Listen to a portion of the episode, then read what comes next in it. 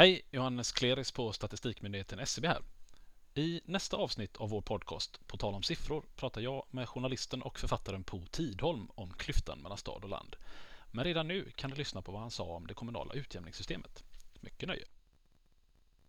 Hur ser du på det kommunala utjämningssystemet i, i det här sammanhanget? Det, det har ju varit en het potatis den senaste tiden Mm. och det, det är kanske något man inte har pratat om så mycket heller. Att där kommer det ju faktiskt pengar till de här kommunerna som har det, har det lite svårare. Mm. Vad, vad tror du om det? Så att säga? Där finns ju ändå fortfarande någonting som, som fördelar välståndet över landet så att säga.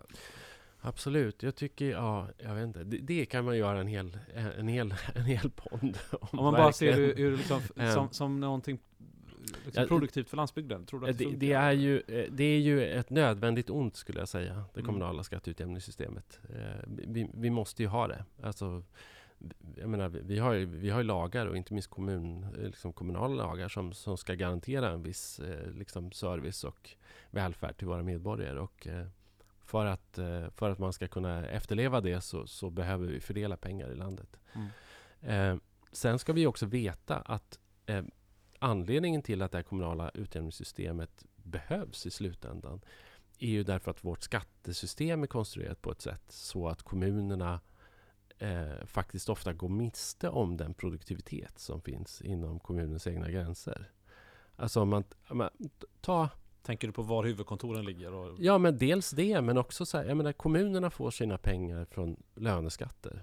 Eh, och många av de här krisande kommunerna som får mycket pengar genom det kommunala skatteutjämningssystemet, de har en ganska stor produktivitet ofta inom sina gränser.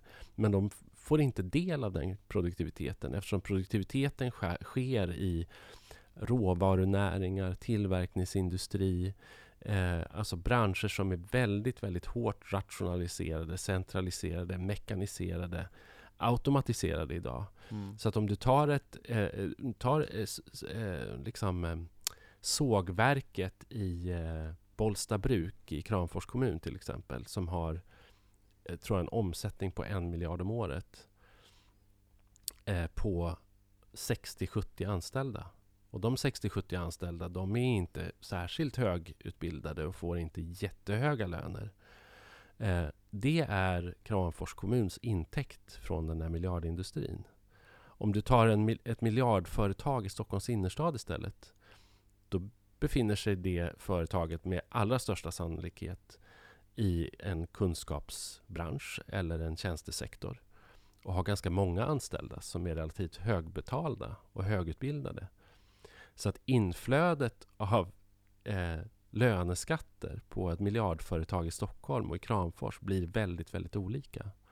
Så att jag tycker att när man diskuterar det här och, och det, det blir hela tiden så fort det, man ska liksom tweaka det här utjämningssystemet så hamnar man i en diskussion om Robin Hood och man tar från de rika och ger till de fattiga och bla bla bla. Liksom. Jag menar, Danderyd då som bidrar eh, till det här systemet. Varför är de rika? Jo, det är av två skäl primärt. Dels därför att en väldig massa förmögna människor har sin dygnsvila i Danderyd. Det är inte så att det produceras en väldig massa saker i Danderyd. Det är inte där pengarna kommer ifrån. Det andra är att Danderyd, precis som en väldig massa andra rika, attraktiva kommuner, har kommunal mark som man kan sälja och få in pengar. Det är de två främsta skälen till att Danderyd, eller Vellinge eller Solna har ett överskott som de kan bidra med. Men medan då liksom Kramfors kommun kanske har en jättestor eh, skogsindustri eller det finns eh, kommuner med, med liksom eh, vindkraft och vattenkraft och eh, gruvnäring. Men det, är- det sysselsätter så få personer så att, så att kommunerna får liksom inte en del av det där vare sig förädlingsvärdet eller skattepengarna eller någonting. Nej. Och då måste man omfördela pengar och då ser det på pappret väldigt orättvist ut. Eller det ser ut som att man tar från de rika och ger till de fattiga. Mm. Eller att vissa kommuner är närande och andra är tärande.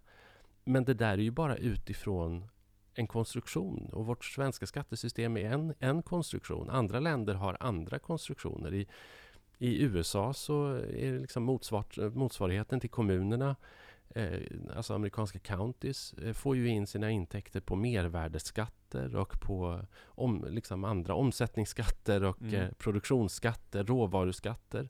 Och eh, löntagarna betalar sina pengar till staten, eller sin skatt till staten. I Norge så har man eh, en skattebas i kommunerna där man får del av råvaruintäkter och eh, jag tror 15 procent från, på, på företagsskatterna. Mm. Alltså vårt system där nästan alla pengar utom löneskatter går till staten. Det är internationellt sett ett ganska eh, avvikande eh, system. Mm.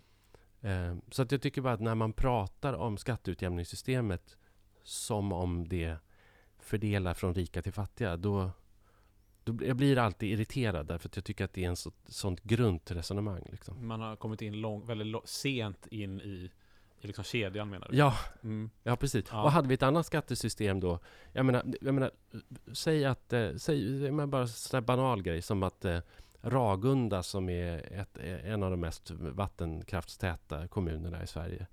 Om de fick del, om de fick eh, fastighetsskatten på sina kraftverk Mm. Som nu är statlig. Staten får in 5 miljarder om året ungefär på, på fastighetsskatt på, på kraftverk. Eh, då skulle de inte behöva ta ut eh, någon kommunalskatt. De skulle, vara en av, en- de skulle vara en av de rikaste kommunerna i Sverige. Mm.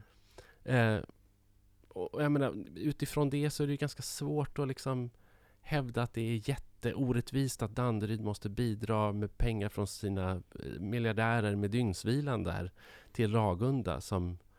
Jag menar, det, det går att vända på diskussionen menar jag Ja, bara. absolut. Det var det. I nästa avsnitt hör ni mer av Po Tidholm.